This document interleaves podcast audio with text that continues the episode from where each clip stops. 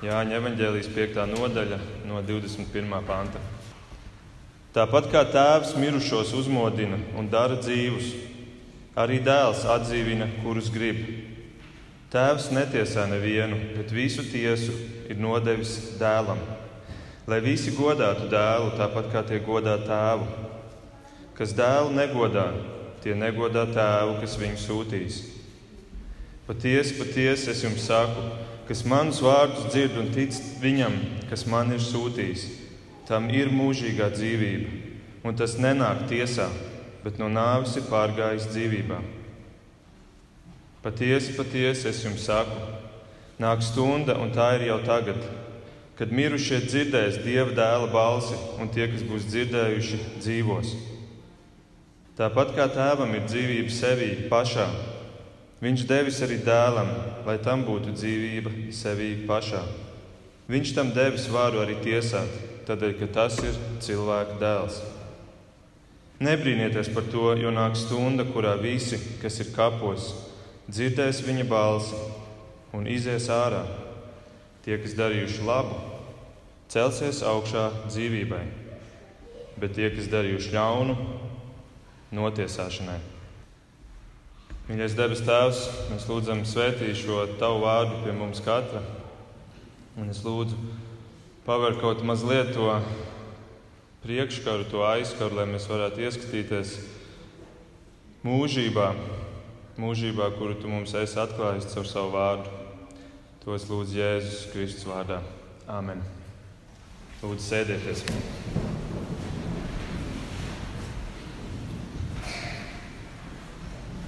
Es jūs apsveicu arī ar Latvijas simtgades uzsākšanos.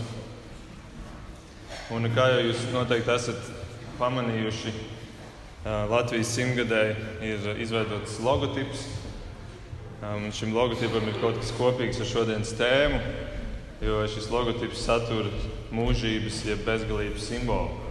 Tādēļ jūs zinat, nulīšu vietā ir apgriezts astoņnieks, kurš simbolizē šo mūžību, šo bezgalību.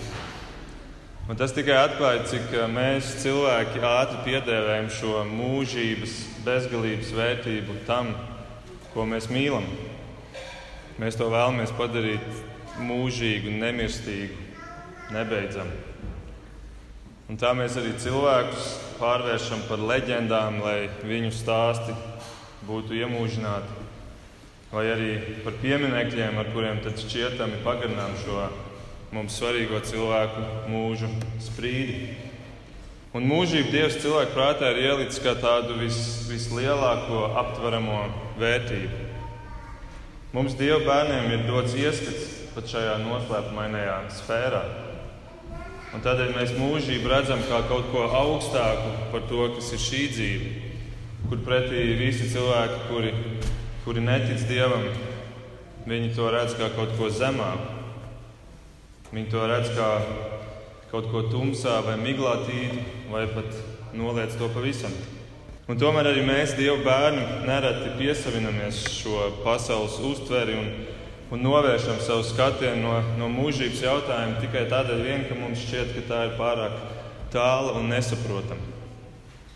Un tomēr, ja mēs atveram Bībeli, tad mēs redzam, ka Dievs ir vēlējies, ka mūžība tomēr runā uz mums ka tomēr mēs turam to skatu uz, uz viņu un, un ka tas ir tas mērķis, uz kuru mēs tiecamies.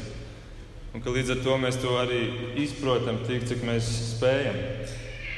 Un tādēļ tā grāmata, kurā visvairāk ir runa par nākotni, arī no mūsu šodienas skatu punkta, atklāsmes grāmata, sākās ar vārdiem atklāsmes grāmata, pirmā nodaļa, trešais pants.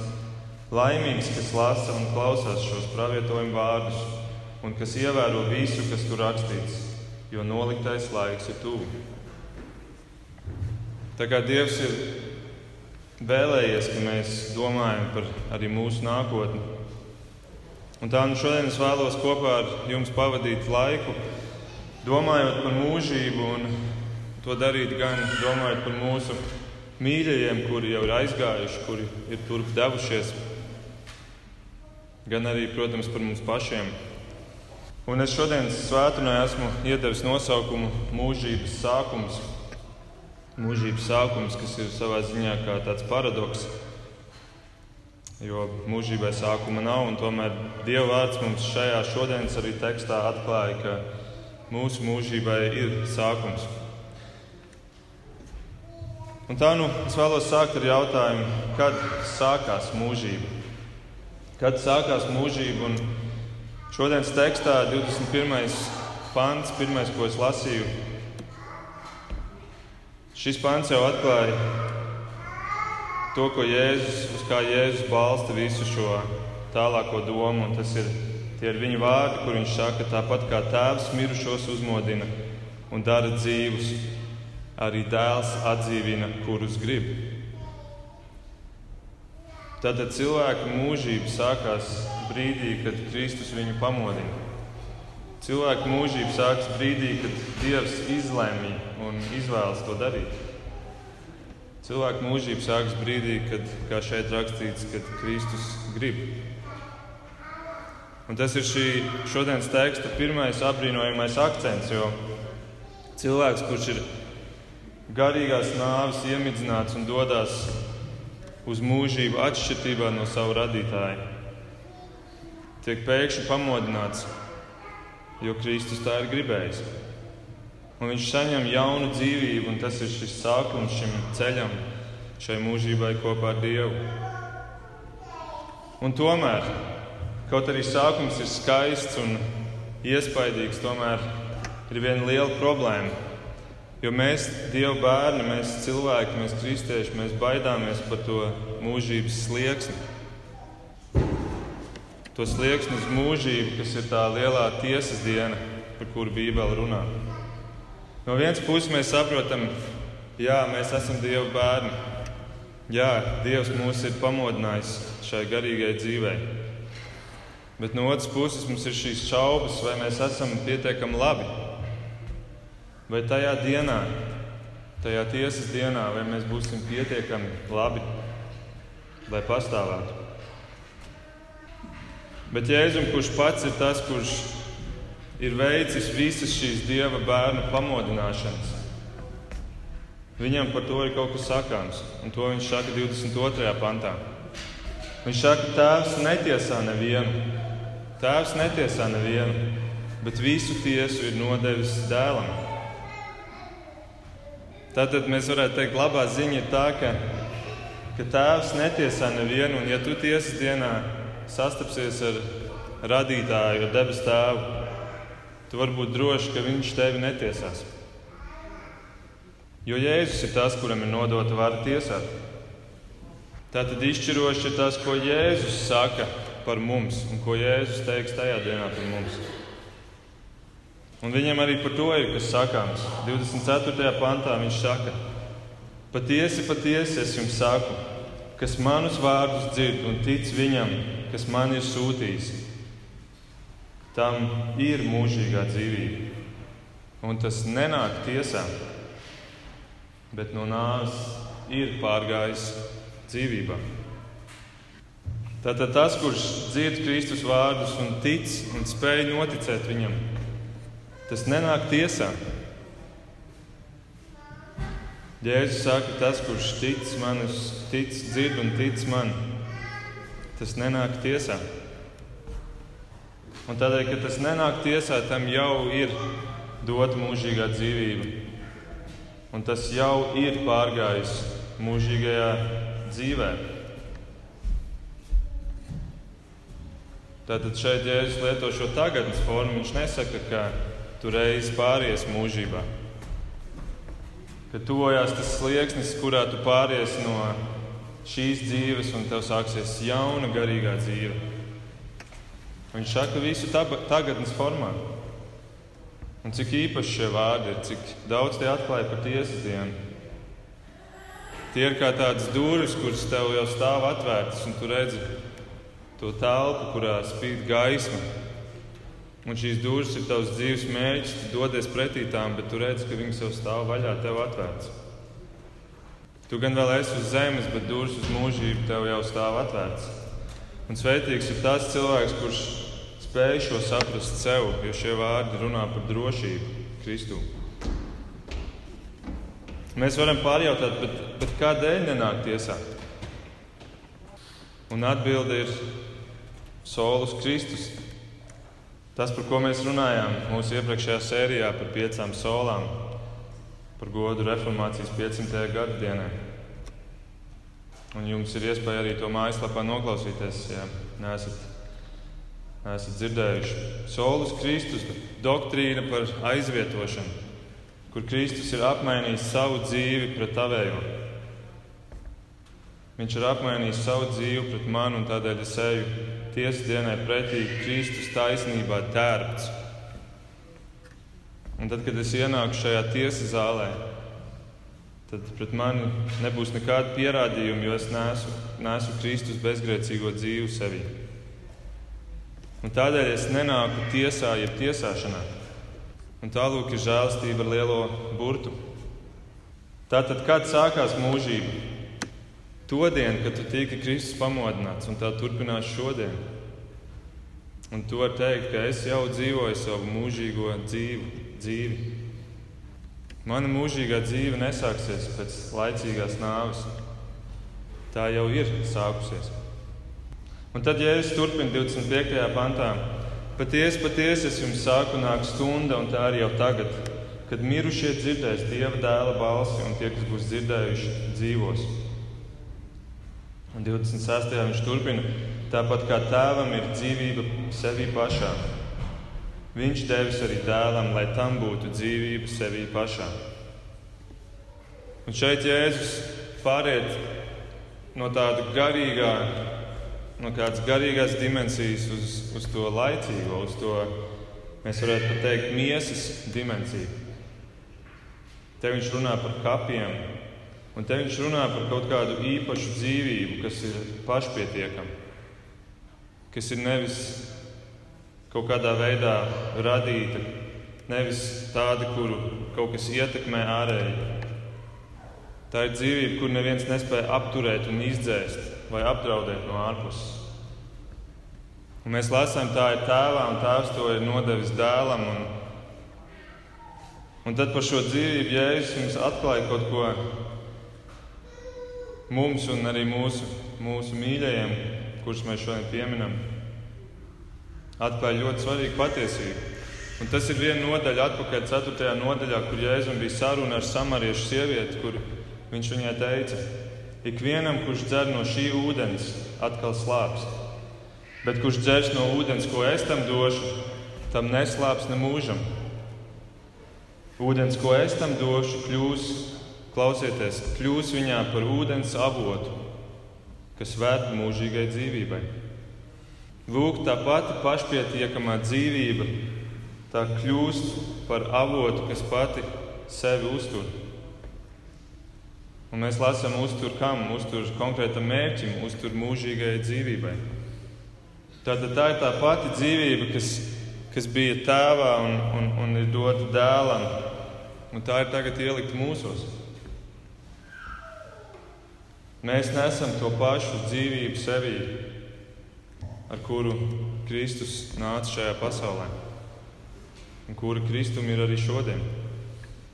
Un tā ir tā garīgā dzīvība, kuru, ar kuru mēs dzīvojam, ar kuru mēs spējam turpināt iet šo garīgo ceļu, spējam turpināt ticēt, kaut arī ir tik daudz apstākļu apkārt, kuri, kuri mūsu ticību mēģina nogalināt. Šī garīgā dzīvība ir tā, kura velk mūs uz dievkalpojumu svētdienā. Šī garīgā Ticība ir tā, kas mūs stumj pretī grēku nožēlē, kur mūs mudina uz, uz piedošanu, kad kāds cits mums lūdz piedošanu. Šī garīgā dzīvība ir tā, kura mums ļauj saprast Dieva vārdu un to iemīlēt un, un liek būt paklausīgiem Kristus pavēlēm. Tā ir tā pati dzīvība, kas ir Kristum, un tā dzīvība ir mūsos. Un šo dzīvību nes mūsu gars. Un tomēr mēs saprotam, ka mēs nedzīvojam tikai garā. Mēs joprojām dzīvojam arī miesā, un mūsu miesa ir tik ļoti nepilnīga. Bībeli saka, ka gars ir stiprs, bet miesa ir vāja. Un mēs visi zinām, cik vāja ir mūsu miesa. Un tā nu mēs esam kā tāds staigājošs, kā tāds staigājošs pretruna vai tāds staigājošs paradoks kur savā garā mēs nesam šo pilnīgo dzīvību, kas ir Kristus dzīvība. Un tomēr tā ir apvilkta ar tādu apvalku, šo nepilnīgo miesu. Un Dievs ir atdzemdinājis to dienu, kad Viņš pamodināja mūs. Viņš ir atdzemdinājis mūsu garu. Viņš ir atdzemdinājis mūsu iekšējo cilvēku, bet miesa ir palikusi vecāka. Miesa ir joprojām kritušajā stāvoklī, un tā ir tā, kas arī rada visas mūsu problēmas šajā dzīvē. Tā ir tā, kas arī beigās rezultējas tajās bailēs no mūsu mūžības sliekšņa. Principā cilvēks, kurš dzīvo miesā, kaut arī viņā gars iekšēji ir atdzīvināts, viņš būs cilvēks, kurš ļoti šaubīsies par to, ko, kas viņu sagaida tiesas dienā kurš ļoti baidīsies par to, ka viņam būs jāsastopas acis pret acis Kristus un debes Tēvs. Un tādēļ ir ļoti svarīgi saprast šīs attiecības starp, starp gāru un miesu tieši šajā mūžības kontekstā.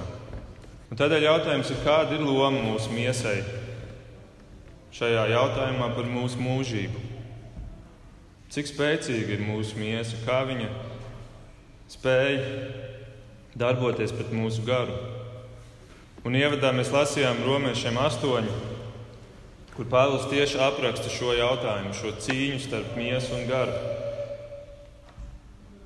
Un viņš sāk ar, ar ļoti skaistiem vārdiem, pirmajā pantā, kur viņš sāk ar tiem, kas ir Kristu Jēzū. Vairs nav nekādas pazudināšanas. Iespējams, ka Pāvils šos vārdus teica pamatojoties uz to, ko Jēzus šodienas tekstā teica, ka tas, kurš ir dzirdējis manus vārdus un tic tam, kas man ir sūtījis, tas nenāk tiesā. Tātad tam, kas ir Kristu jēzu, vairs nav nekādas pazudināšanas. Nav pazudināšanas garam, nav tiesas, jo Kristus visvarenā dzīvība ir mūsos. Un tomēr mēs grēkojam miesā. Un kad miesas vājuma dēļ mēs krītam, tad Ko dara Dievs? Viņš nevis mūs pazudina, bet Viņš mūs pārmāca. Tāpat kā mēs darām ar saviem bērniem. Un viņam ir bieži mūs jāpārmāca, tāpēc, tāpēc ka miesa ir ļoti spēcīga. Un Pāvils arī to paskaidro, ka miesai ir ļoti liels spēks.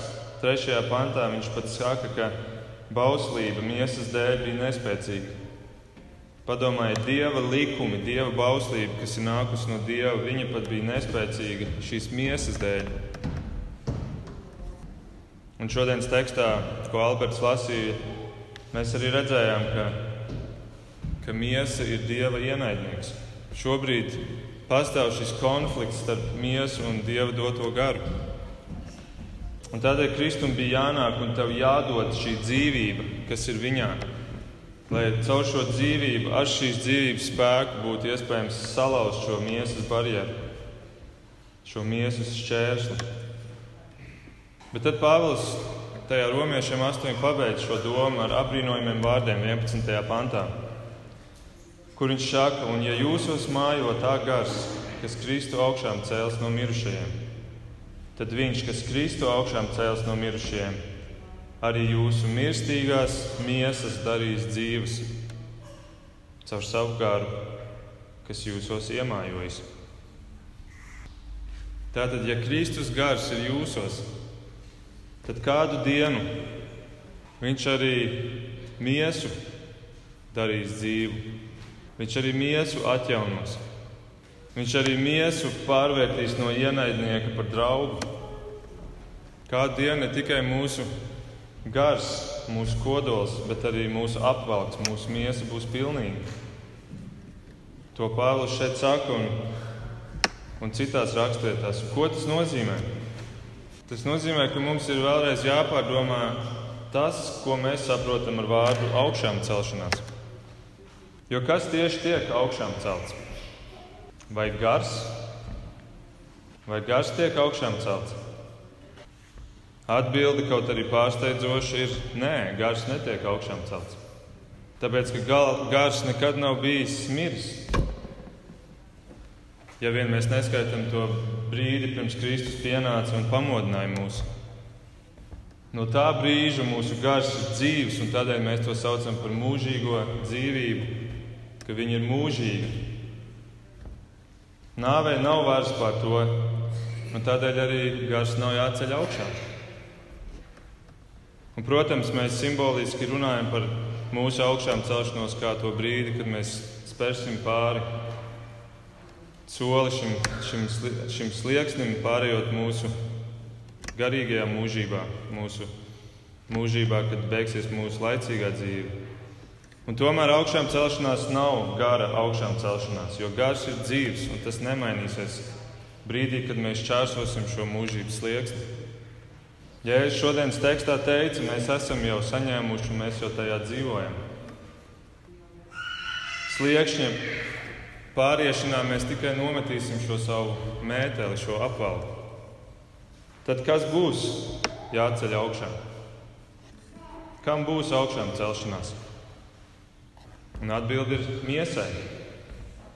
Atbildi ir miesai. Es vēlreiz izlasīšu šo Pāvila 11. pāntu. Un ja jūsos mājo tā gars, kas Kristu ir augšām cēlis no mirušajiem, tad viņš arī jūsu mirstīgās miesas darīs dzīves caur savu garu, kas jūsos iemājojas. Un, ja mēs aizējām atpakaļ uz šodienas tekstu, kur Jēzus runā Jāņa 5, tur 28. un 29. pantā, viņš tajā pašā virzienā iet sakot: Nebrīnīties par to, jo nāk stunda, kurā visi, kas ir kapos, dzirdēs viņa balsi un izies ārā. Tie, kas darījuši labu, celsies augšām dzīvībai, bet tie, kas darījuši ļaunu, notiesāšanai, jeb tiesai. Un te mēs redzam, ka Kristus sauks un cilvēki celsies no kapiem. Un tie, kuri ir nomiruši bez Kristus taisnības, tie celsies augšā tiesai. Viņiem būs tiesas diena, kurā viņi tiks tiesāti. Jo viņi nav tikuši tālāk par šo miesas barjeru, un miesa vienmēr ir palikusi viņu kungs. Bet Kristus vienreiz garā modinātiem tiek modināti vēlreiz, un šoreiz viņi ceļās augšām dzīvībai. Un viņi ceļās augšā miesā. Un kā tas notiek, to Bībele jau ir aprakstījusi ar piemēriem.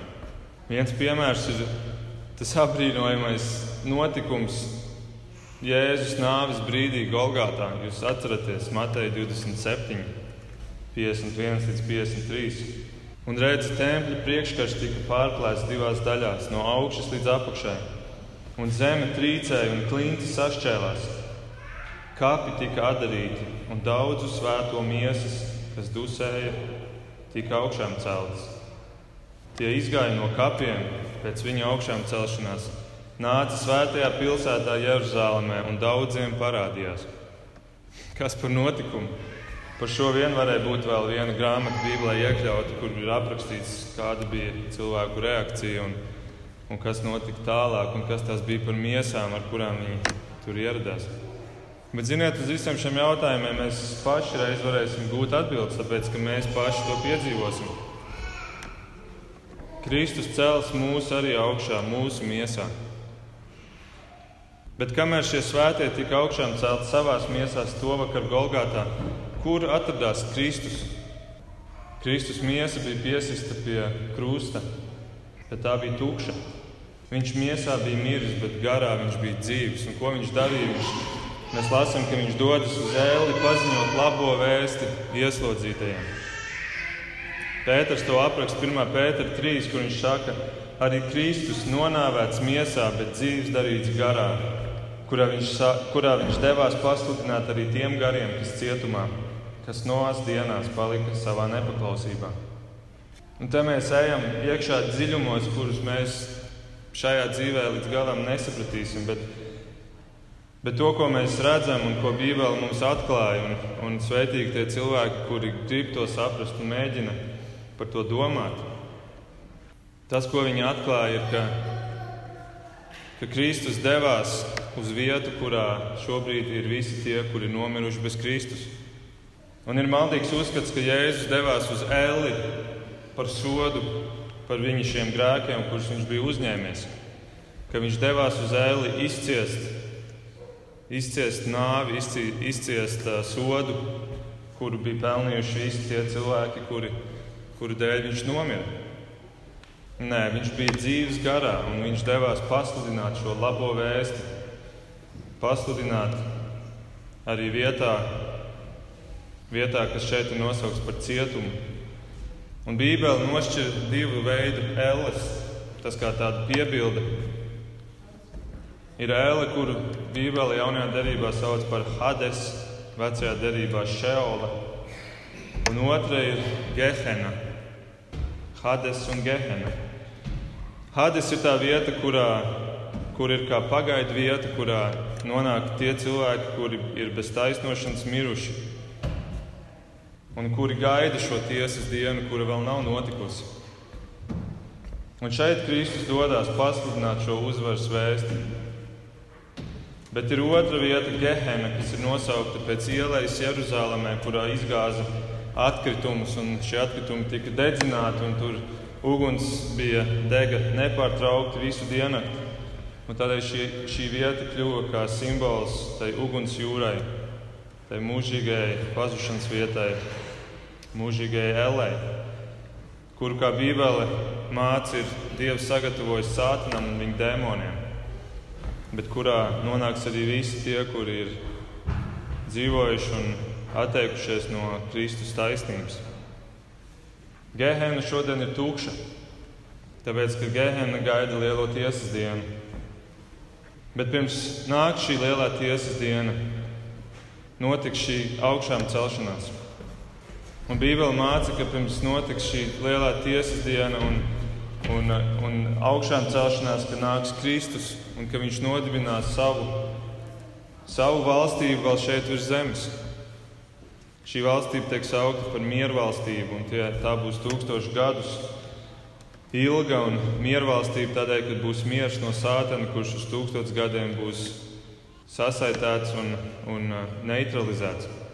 Par to runā atklāsmes grāmata 20. nodaļā, kur ir teikts, tad es ieraudzīju eņģeli nokāpjumu no debesīm. Tam rokā bija bezdibens atslēga un liela ķēde. Viņš sagrāba puķi, senseno čūsku, kas ir vēlns un sātans. Sasēja viņu uz tūkstošu gadiem un iegrūda bezdibenī. Aizslēdza to un aizīmūgoja uz tūkstošu gadiem, lai viņš nemaldinātu tautas. Pēc tam viņam uz īsu brīdi jātop atbrīvotam. Un mēs zinām, ka mēs šobrīd dzīvojam laikmetā, kurā Sātans vēl nav saslēgts, kurā viņš joprojām spēj maldināt tautas, kurā viņš ir valdnieks pār šo pasauli. Bet redziet, pienāk šī diena, kur viņš tiks sasaitāts un valdīs miers virs zemes, kurā Kristus fiziski virs zemes valdīs un piepildīs arī daudzus no pravietojumiem, kas ir iedoti Izrēlam, bet vēl līdz šai dienai nav piepildīti. Un tikai pēc tam, pēc šī laika, kā mēs lasām, viņš tiks atbrīvots uz īsu brīdi, un arī viņš tiks tiesāts. Tad sāksies tā lielā mūžīgā mūžīgā dzīve. Un par šiem tūkstošiem gadiem es jūs aicinu, jūs varat izlasīt mājās Iesai 65, kur ir aprakstīts par šo vietu, kur izklausās pēc debesīm, bet tomēr tās nav vēl debesis, jo tajā notiek dzimšana un miršana. Tajā ir sastopami dzīvnieki. Tā ir kā tāds starpsolis, kurā Kristus gan valda, bet tomēr vēl nepavisam. Un jau senākie teologi šo posmu sauca par šo tūkstošu gadu miervalstību. Un šodien daudz par to šaubās un daudz to apšauba. Un arī es negribu būt šeit dogmatisks, un tomēr, lai atbildētu šos jautājumus arī par miesas augšām celšanos, par ko Bībele runā, tad ir, tad ir jā, jāizdala šī mūžība šajos, šajos soļos, par kuriem es minēju. Un šī tūkstošgadu miervalstī būs arī tā vieta, kurā mēs atgriezīsimies ar šo mūsu atjaunoto miesu, ar šo pārveidoto miesu, ar tādu miesu, ar kādu ieradās Kristus pēc augšām celšanās. Padomājiet, viņš varēja nomirt un augšām celties kā gars, kurš parādās, ka viņš ir dzīves. Kādēļ viņam bija jānāk miesā? Kādēļ viņam bija jānāk fiziskā miesā? Bet viņš nāca miesā, un tomēr tā miesa nebija kā tā miesa, ar kuru viņš nomira, viņa bija atjaunota miesa, viņa bija pārdabiska miesa. tomēr miesa. Un kad Kristus bija atgriezies augšām cēlies ar šo savu miesu, vai jūs atcerieties, kas notika? Notika tas, ka viņa mācekļi viņu pat neatpazina, kas liekas tik apbrīnojami. Viņš bija viņu numur viens doma šajās dienās. Viņš bija tas, par kuru viņi domāja, par kuru viņi skuma. Viņš bija tas, kur dēļ viņu dzīves tajās dienās bija pilnīgi sagrautas. Un te viņš ierodās, un viņi pat neatpazīst viņu. Piemēram, dārzā pie kapa, vai ceļā uz emavu, vai arī neticīgais Toms, kurš, kuram ir jāieliek pat rokas brūcēs, lai viņš tiešām pārliecinātos, ka tas ir Kristus. Kādēļ viņi neatpazina viņu? Noteikti neticības dēļ arī, bet es ticu, ka ne tikai. Viņi arī neatpazina tādēļ, ka viņš izskatījās citādāks. Vai atcerieties, kāds Jēzus izskatījās pirms nāves? Jēzai mums par to apraksta 53. nodaļā, 2. pantā, kur viņš raksta, Viņš, Kristus, slēdzās kā asins tā priekšā, kā sakne no izkaltušas zemes. Ne tam auguma, ne košuma, ka mēs, to, ka mēs uz to raudzītos, nec paskatu, ka mums patiktos. Ar mīsīgajām acīm raugoties, Jēzus nebija īpaši skaists. Un tādēļ fakts, ka vistuvākie viņu neatpazina, dod mums vietu, dod, dod vietu iespējamībai, ka jaunajā miesā viņš bija daudz pievilcīgāks un tādēļ arī grūti atpazīstams. Un tā ir arī, es varu teikt, cerība mums, ka mēs tur būsim savā skaistākajā un savā pilnīgākajā veidolā. Bez slimībām un bez sāpēm, un bez kustības ierobežojumiem. Un tomēr tie būsim mēs savā identitātē, tādā kādu Dievs mūs veidoja, tad, kad Viņš veica šo radīšanas darbu. Nebūs viss tas, ko mēs uzskatām par sliktu, un tomēr iespējams, ka būs brūces, būs rētas. Tādēļ, ka Kristum bija šīs rētas rokās un kājās. Un šīs rētas ir Dieva atgādinājums par to žēlastību, kuru Viņš mums dod. Katra rēta, katra brūce ir simbols mūsu dzīves pagarinājumam. Kaut arī mēs to nebijām pelnījuši, jo katrs grēks ir pietiekams iemesls, lai pārtrauktu mūsu dzīvi, jo grēka alga ir nāve. Un tā nu katra šī brūce un katra šī rēta ir atgādinājums par to, ka Dievs mūs ir pārmācījis mīlestībā, kā bērnus, tā vietā, ka Viņš varēja mūs atmest šo grēku dēļ. Tā nu kādas ir tās mācības, ko mēs varam šodien paņemt no šīs Dieva vārdu raksturvietas? Es domāju, pirmkārt, mēs varam pieminēt šodien tos jau mūsu mīļos, aizgājušos, tos rādus un draugus, kuri ir iespējams nesuši mums šo dzīvības vārdu, ar kuru Kristus pamodina mūs un dod mums šo mūžīgo dzīvību. Mēs varam būt pateicīgi viņiem, un es piekrītu tam, ko Zigmārs teica, ka ka mazākais, ko mēs varam izdarīt, ir nest viņiem piemiņu un godu un pateikties. Kaut vai aizbraucot uz kapiem.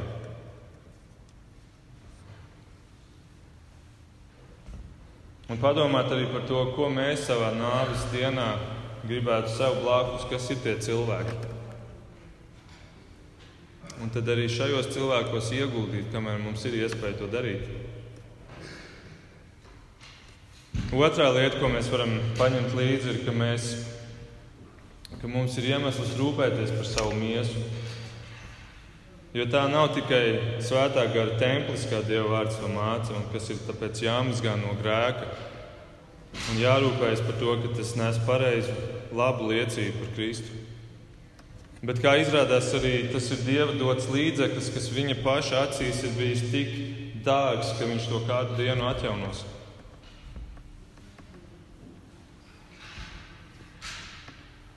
rūpēties par to, ka mūsu miesa liecina par mūsu mīlošo radītāju. Un trešais, pārbaudīt sevi, vai es esmu tērpts Kristus taisnībā un piepildīts ar šo viņa neizdzēšamo dzīvību. Un pēc tam iet un dzīvot ar drošu pārliecību, un no šīs drošās pārliecības radīt šos augļus Dievam par godu un cilvēkiem par svētību. Ka šī drošība, šī pārliecība nekļūst par iemeslu pasivitātei, bet kļūst par iemeslu dzīvot garā, nevis miesā. Un es vēlos noslēgt ar vienu liecību no sludinātāja Valtera Hinsona, kuru viņš teica īsi pirms savas nāves. Es atceros, kā pirms gada man ārsts pavēstīja, tev ir slimība, no kuras tu vairs neatkopsies. Es izgāju no viņa kabineta un aizgāju uz vietu, kur dzīvoju Portlandā, Oregonā, un pievēršu savu skatu kalnam, kur es mīlu. Es aplūkoju upi, kura man bija nesusi daudz prieka, un es ieskatījos kokos, kas man vienmēr bija bijuši kā dieva dzēja manai dvēselē. Tad vakarā es palūkojos uz debesīm, kur Dievs bija iedzēsis savus gaismekļus, un teicu: Varbūt es jūs vairs neredzēšu bieži, bet kalnu Es būšu dzīves, kad tu būsi aizgājis. Un upe, es būšu dzīves, kad tu būsi beigusi plūst pretī jūrai. Un zvaigznes, es būšu dzīves, kad jūs būsiet krituši no savām līgzdām lielajā visuma nojaukšanā. Lūksim Dievu! Mīļais kungs, mīļais debes tēvs, paldies! Ka ka tu mums esi devis šo dzīvību, ka tu esi mums devis šo laiku tavā skaistajā pasaulē. Paldies, ka mēs varam būt tādi, kādi mēs esam, un kaut arī nepilnīgi, tomēr tevis veidoti, un, un tu esi ielicis šo identitāti mūsos. Bet paldies, kungs, ka mūsu skatiens neapstājas tikai pie tām durvīm, kur mēs tālāk neredzam, bet ka mēs drīkstam dzīvot ar skatu uz mūžību un iet pretī tai un, un gaidīt arī šo laiku kopā ar tevi. Ak, palīdz mums nepiesiet sevi un savu laiku un savus resursus šīs, liet, šīs dzīves lietām un, un tam, ko miesa prasa. Bet ka mēs alaži lūkotos caur savu garu uz to lielo īsto dzīvi, kur mūs sagaida. Lai tev pateicība, gods un slava Jēzus vārdā. Amen.